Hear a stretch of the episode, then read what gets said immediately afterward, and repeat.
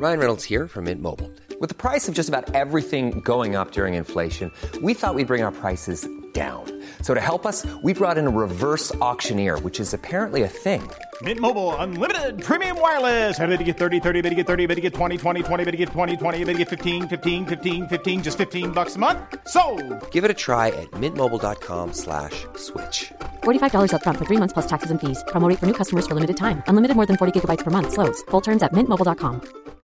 As humans, we're naturally driven by the search for better. But when it comes to hiring, the best way to search for a candidate isn't to search at all. Don't search, match with Indeed. When I was looking to hire someone, it was so slow and overwhelming. I wish I had used Indeed. If you need to hire, you need Indeed. Indeed is your matching and hiring platform with over 350 million global monthly visitors, according to Indeed data, and a matching engine that helps you find quality candidates fast. Ditch the busy work. Use Indeed for scheduling, screening, and messaging so you can connect with candidates faster. And Indeed doesn't just help you hire faster. 93% of employers agree Indeed delivers the highest quality matches compared to other job sites, according to a recent Indeed survey. And listeners of this show will get a $75 sponsored job credit to get your jobs more visibility at Indeed.com slash podcast. That's Indeed.com slash podcast. Terms and conditions apply.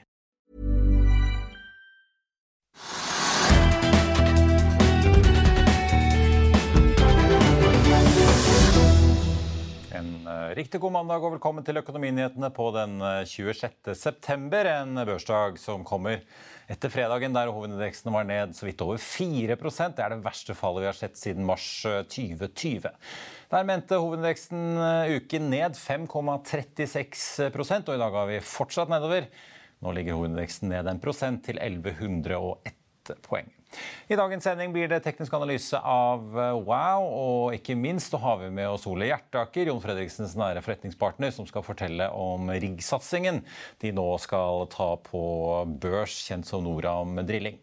Men først skal vi ta en titt på markedet og litt eh, nyheter, for det skjer jo ting eh, ikke minst i valutamarkedet. Og mens hovedindeksen her hjemme er ned, er også børsene jevnt over hele Europa nede i dag med unntak av eh, Stockholm, der eh, hovedindeksen ligger opp 0,3% Oslo Børs får ingen drahjelp av oljeprisen i dag. Nordsjøoljen brent ligger ned 1,5 prosent til 85 dollar og 40 cent i spotmarkedet. Den amerikanske lettoljen ligger inne på 78,11 og er dermed ned altså like mange prosent. Futuresene på Wall peker mot en eh, nedgang der når markedet åpner om en times tid. Fredag så vi jo de tre store indeksene falle rundt drøye halvannen prosent. Den store børsnyheten i dag er nok uh, utvilsomt Vismas oppkjøp av House of Control for nesten 700 millioner kroner. Visma sikter seg jo selv mot uh, børs, og det vil jo bli en gigantisk børsnotering. Men nå er det i første omgang altså litt mindre House of Control de kjøper. Visma legger 11,2 kroner aksjen på bordet, mot sluttkursen i House of Control på 7 kroner på fredag, som var ned 14% Budet er anbefalt av styret, og så langt har Visma sikret seg en aksept på en drøy tredel av aksjene. House Control skrur også opp guidingen sin i en egen børsmelding. og Den aksjen er nå opp 53% til 10 kroner og 70 øre. Altså nesten opp til budkurs. Og så holder jo mange et øye med konsumaksjer i disse tider, der presset på husholdningene bare øker og øker, med både energipriser, inflasjon og renteøkninger. En nyhet som preger retail i dag, og XXL-aksjen spesielt, er en ny analyse fra Øyvind Mossige i Sparebank1 Markets. Han tror XXL vil tape 400 millioner kroner de neste tre årene, og at sportskjeden må hente penger for å overleve. Vi tror at selskapet vil bryte lånebetingelsene målt av netto gjeld EBITDA i tredje kvartal i år og være i brudd gjennom hele 2023 og 2024, skriver Mosige. Han spår aksjen i to kroner. Det er ned fra kursmålet hans på fem kroner tidligere. Salgsanbefalingen den gjentas. Og XXL-aksjen den er ned 9,5 i dag til 4,52. Og dermed er to tredjedeler av kursen borte så langt i år. DNB hever boliglånsrentene sine med inntil til et halvt prosentpoeng kom frem i en melding i dag. DNB ble jo imidlertid slått av KLP-banken, som var ute allerede på fredag og hevet sine renter. Etter rentemøtet da i Norges Bank på torsdag, der sentralbanksjef Ida Wolden Bakke skrudde opp styringsretten fra da 1,75 til 2,25. 0,5 prosentpoeng opp. La oss i Finansavisen hjelpe deg med å holde deg oppdatert på alt som skjer i finans og næringsliv. Hver morgen er jeg, Marius Lorentzen, og aksjekommentator Karl Johan Molnes på plass i studio for å ta tempen på dagens marked i Børsmorgen. På ettermiddagen oppsummerer vi alt du trenger å vite i økonominyhetene, og så får vi selvfølgelig besøk av masse interessante gjester. Du finner oss på fa.no-tv, eller ved å søke opp Børsmorgen og Økonominyhetene der du hører på podkast. Apropos DNB, DNB Markets tar opp eh, Panoro Energy-dekningen, og de sier kjøp på 41 kroner på aksjen. Panoro endte fredag på 25,6 kroner.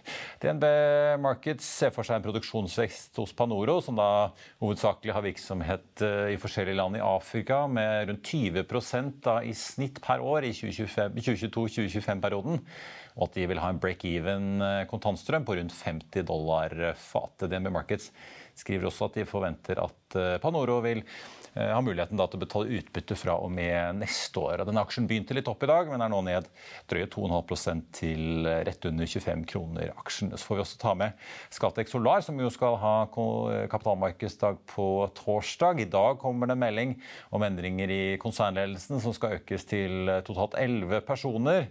Det er jo da den relativt ferske konsernsjefen Terje Pilskog som tar litt grep. Grønn hydrogen løftes opp eh, som en egen post i konsernledelsen, og den skal ledes av Mikkel Tørud, som i dag er finansdirektør. Og jakten på hans etterfølger har nå begynt. og den nye Organisasjonen og ledelsesstrukturen ble innført fra og med midten av november. Skattek er ned en 3,9 i dag, og mer enn nytt fra kapitalmarkedsdagen. Det får du her i Økonominyhetene på torsdag. Vi må en liten tur over Nordsjøen før vi tar med dagens gjest, for vi må til Storbritannia, der britene nå opplever et rekordsvakt pund. Fra den forrige store toppen i mai 2021 på drøye 1 dollar og 40 cent per pund er pundet nå nede i så vidt over 1 dollar, 1 dollar og 5 cent eh, ca. Og på euroen så har det gått fra drøye 1,20 til 1,11 per pund i eh, dag. Og folk spekulerer nå om både euroen eh, og ikke minst dollaren kommer til å ligge på nivå med pundet om ikke lenger hvis denne utviklingen fortsetter. Og Det er den ferske statsministeren Liz Truss og finansminister Kwasi Kwarteng som får mye av skylden for eh, fallet de siste dagene, bl.a. fordi de har lansert en stor pakke med energistøtte til husholdningene og omfattende skattekutt for britisk økonomi, som da skal lånefinansieres. Spørsmålet er om Bank of England må gjøre mer og vedta politikk som er stikk i strid med den nye regjeringen. Som Bloomberg rapporterer, så prises det nå inn ekstra renteøkninger fra Bank of England for å håndtere kursfallet i pundet. Bare se her. There's been talk about the Bank of England stepping in to help the UK regain credibility. How likely is that? Well, Danny, traders are now pricing 120 basis points of hikes uh, for November, which implies an intraday, uh, intra-meeting move. Uh, even before these pound moves, a Deutsche analyst on Friday uh, was saying that the Bank of England needed to step in this week to regain credibility. Uh, and you had uh, former Bank of England policymaker Adam Posen saying that the BOE would step in if the pound fell, and that it certainly has. It's tanked because the Chancellor Kwasi Kwarteng has said that he'd add to his economic gamble by adding even more uh, tax cuts to the fiscal event that he announced on Friday, uh, which of course is funded by borrowing. That's the crucial point for the pound. Uh, and even though JP Morgan's Alan Monks said on Friday that he didn't think that an intra meeting move was likely, he did expect some more hawkish talk from the governor, uh, Andrew Bailey, to try and reassure offshore markets. The reason that they wouldn't step in is uh, because they wouldn't want to be seen to be reacting more to fiscal policy than uh, to inflation or to be adding to the panic. But Danny, the panic's very, very much already there. Well, okay, if we don't get that intra-meeting hike, Lizzie, where do traders stand on what we're going to see from the BOE uh, after this fiscal event? Well, uh, even if we don't get 120 basis points uh, as is being priced, 100 basis points, which is uh, what was seen on Friday, would still mean that fiscal and monetary policy are pulling in opposite directions, yanking in other opposite directions. Uh, and mm. you know, the Bank of England tweaked its guidance at the last meeting uh, so that it said it's not just going to respond forcefully if inflationary pressures persist, but that those inflationary pressures could include from stronger demand. So it was hinting okay. that it's leaving the door open to bigger hikes if the, this budget added to those inflationary pressures. Da skal vi over til eh, dagens gjest, som er en av personene bak et landriggselskap som på halvtimen fikk inn eh, nesten 800 millioner kroner i en emisjon, og som nå straks er klar for å gå på børs Baronext Growth en gang rundt 7. oktober, hvis alt går som det skal. Men hvorfor er egentlig landrigger i USA et eh, smart sted å plassere pengene sine nå? Med oss nå, ironisk nok fra London, hvor inflasjonen er høy og pund under press. Ole Hjertaker, styreleder i Noram Drilling, og for å si konsernsjef til vanlig da i SFL Ship Finance. Velkommen og takk for at du er med oss. Takk for det, og takk for invitasjonen. Det er et ganske spennende marked eh, vi har. Kineserne pleier vel å si 'may you live in interesting times'. Eh, og det, det, er vel, det, er vel, det vi gjør nå om dagen.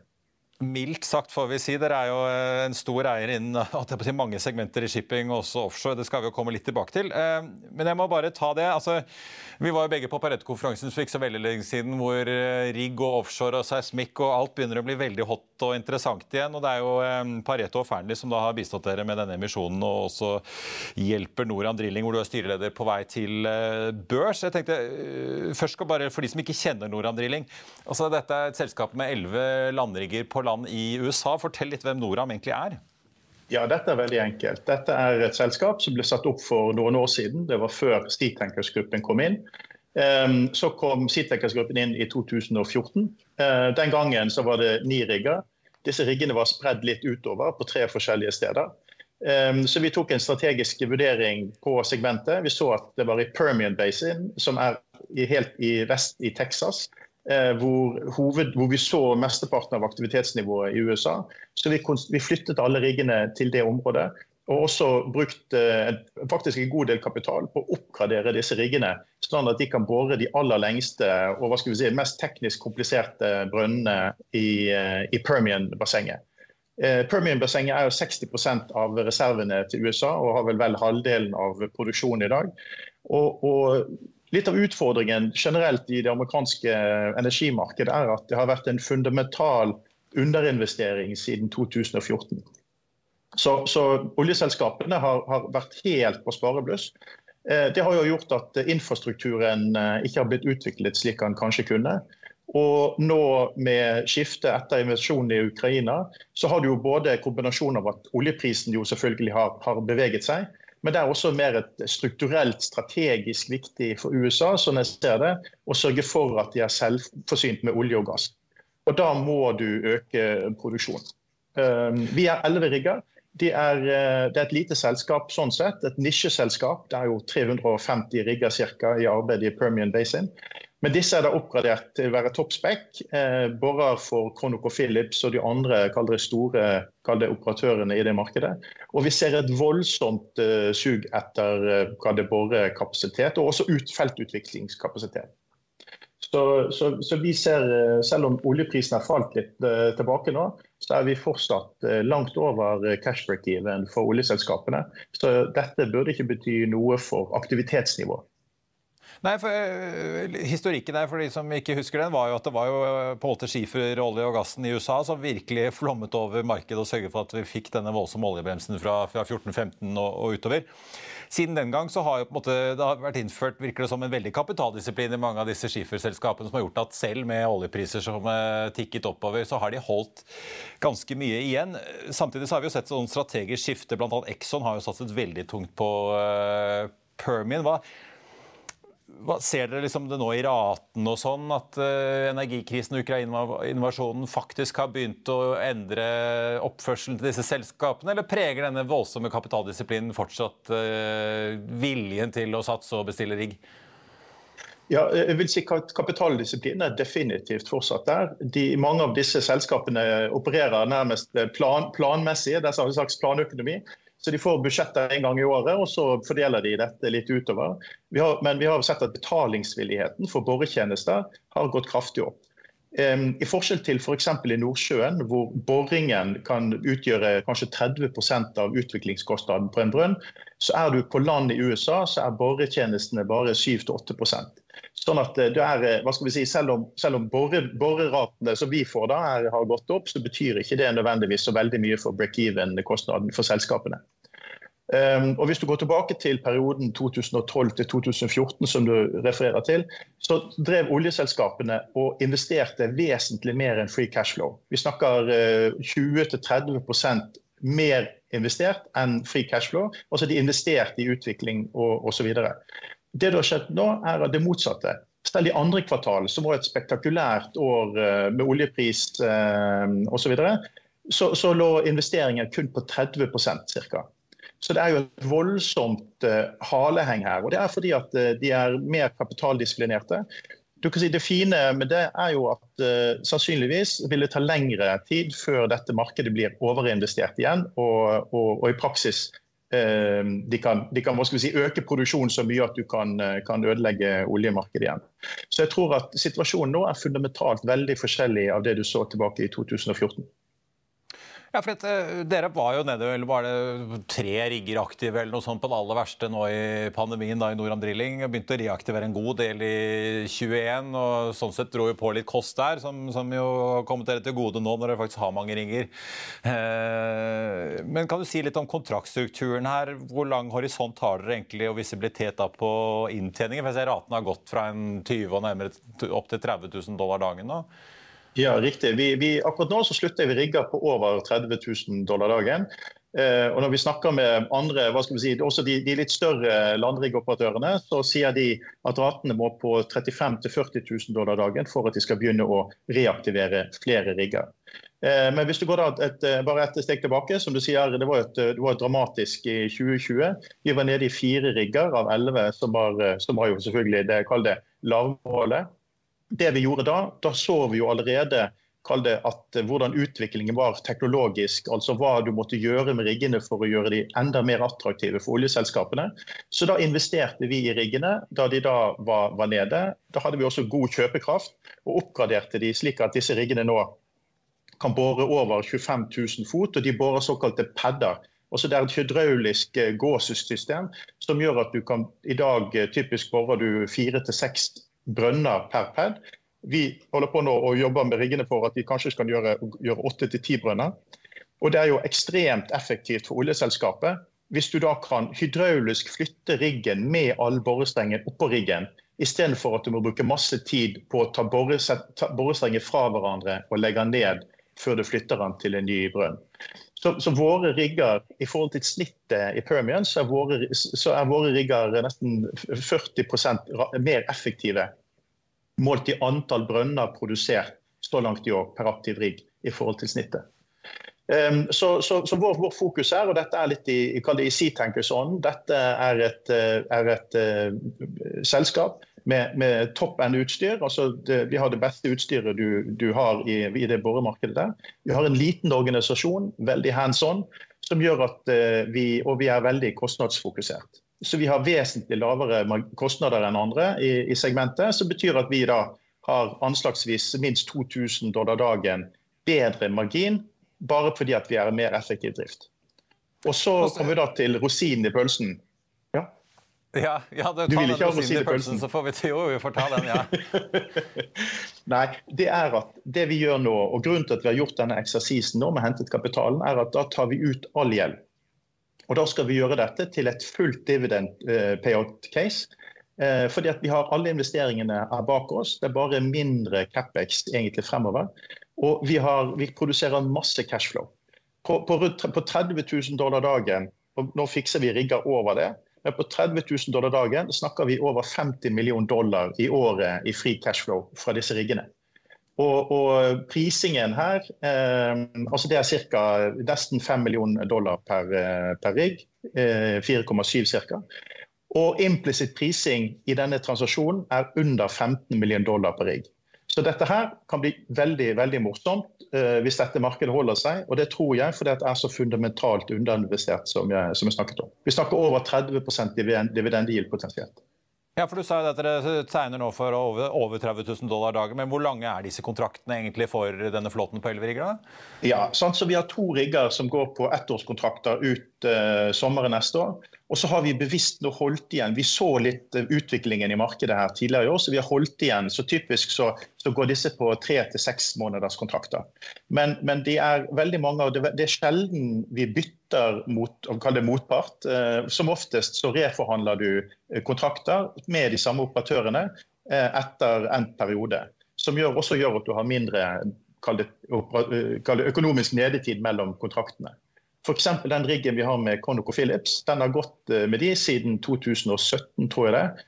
Og han har gått der og tikket og gått, selv om vi bare avtaler fra det vi kaller pad til pad. Altså rundt seks brønner. Og så avtaler du da hva raten skal være for den neste paden du går på. Og så, og så, går, han fra, og så går han da uten at du får eh, økonomisk nedetid. Ja, ikke sant. Eh, men altså, si litt, eh, for nå har dere, dere refinansiert denne obligasjonsgjelden gjennom denne emisjonen da, hvor dere får nedbetalt lånet på 80 millioner dollar.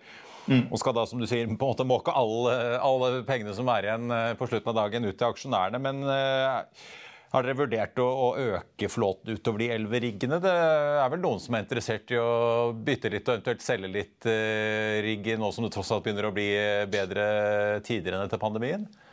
Det kan være, men, men, vi ønsker å være helt veldig disiplinerte.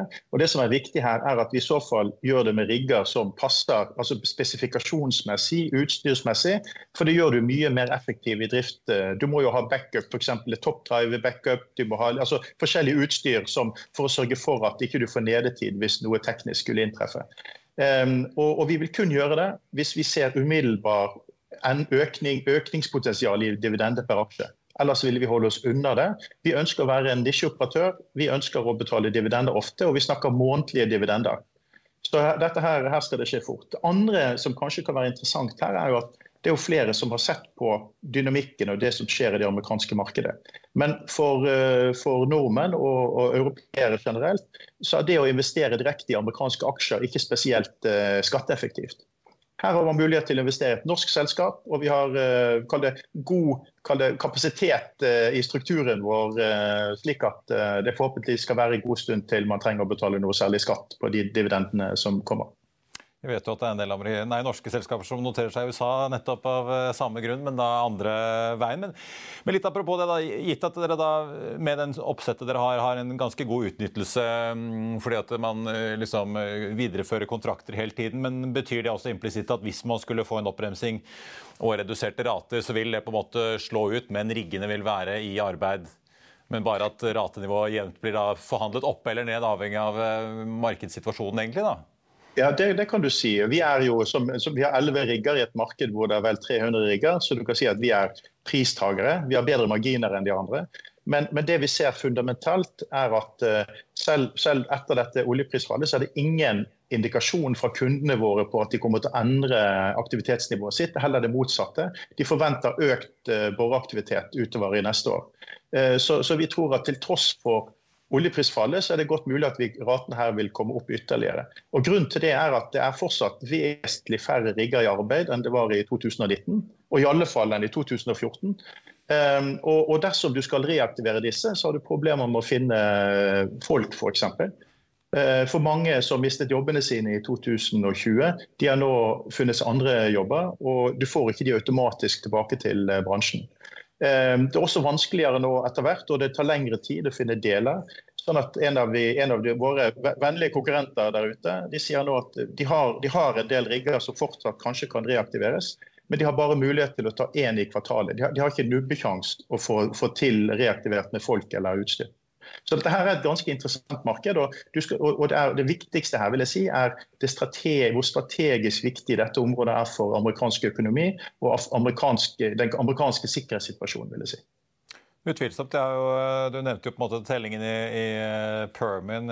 Baker Hughes har vel tellingen for USA som generelt opp på 700 mm. og en drøye 60 ringer nå. En økning på nesten 250 siste år, men likevel ikke i nærheten av de nivåene vi så. Men jeg tenkte til slutt vil jeg bare høre litt med forholdet med da, eh, på en måte Fredriksen-systemet, Sea Tankers og, Ship Finance der du selv er. Altså Ship Finance uh, sitter jo med to rigger, så vidt jeg har sett. En oppjekk på her som jobber i Nordsjøen for uh, Conoco Phillips. Og så har dere jo også Hercules, denne semien som også er i offshore-markedet.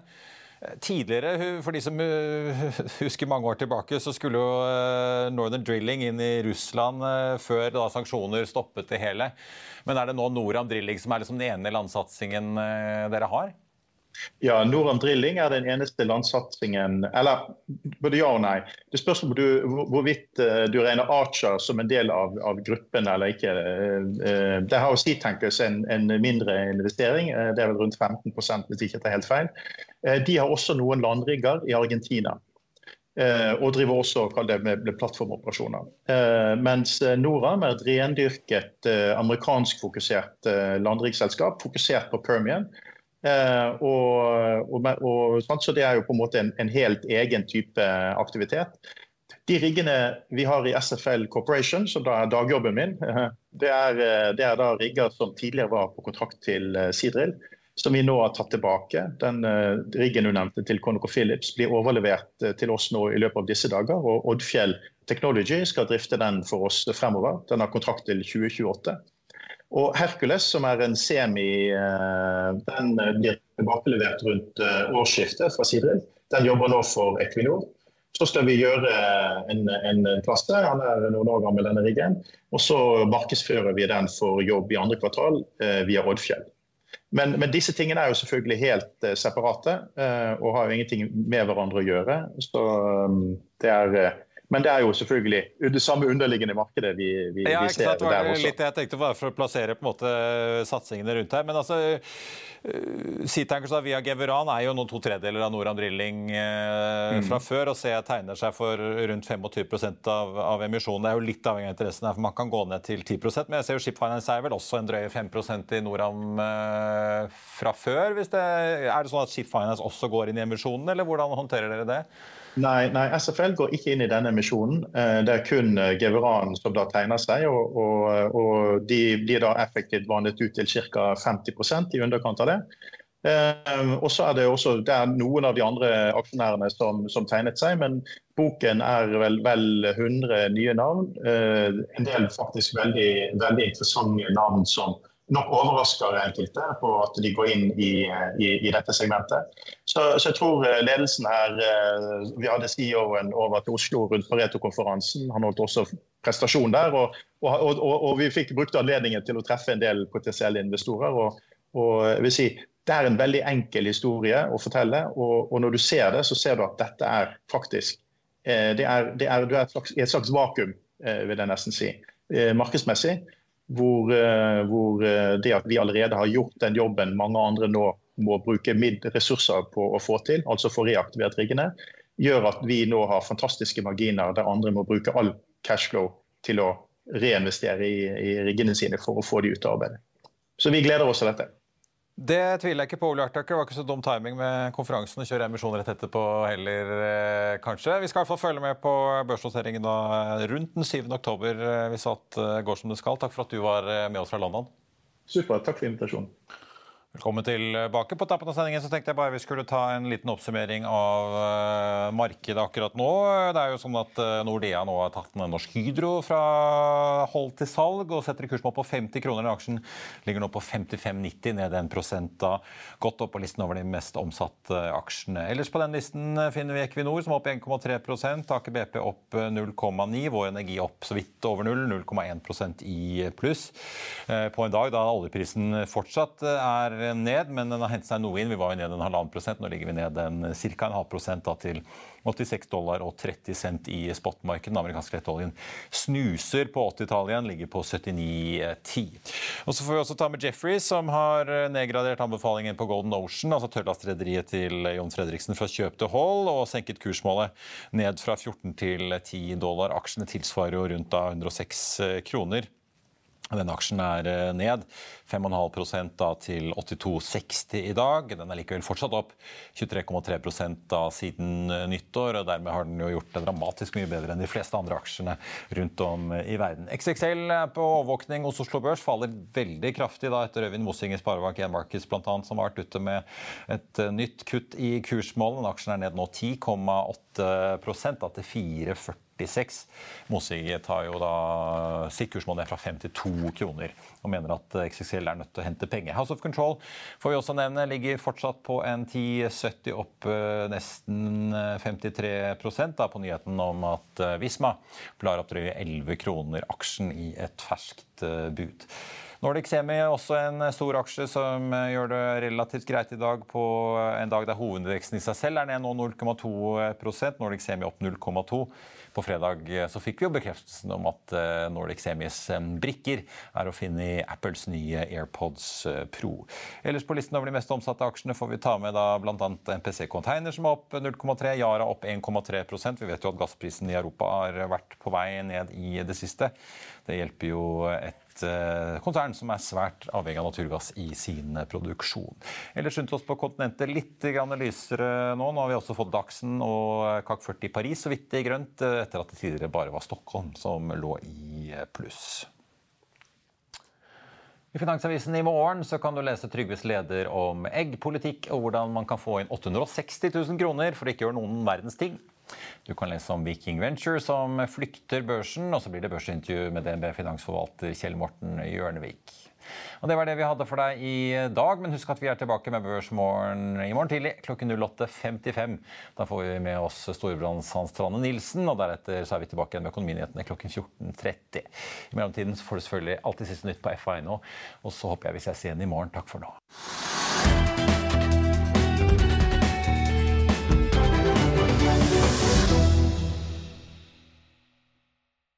Økonominyhetene er en podkast fra Finansavisen. Programledere er Marius Lorentzen, Stein Ove Haugen og Benedikte Storm Bamvik. Produsenter er Lars Brenden Skram og Bashar Johar. Og ansvarlig redaktør er Trygve Hegnar.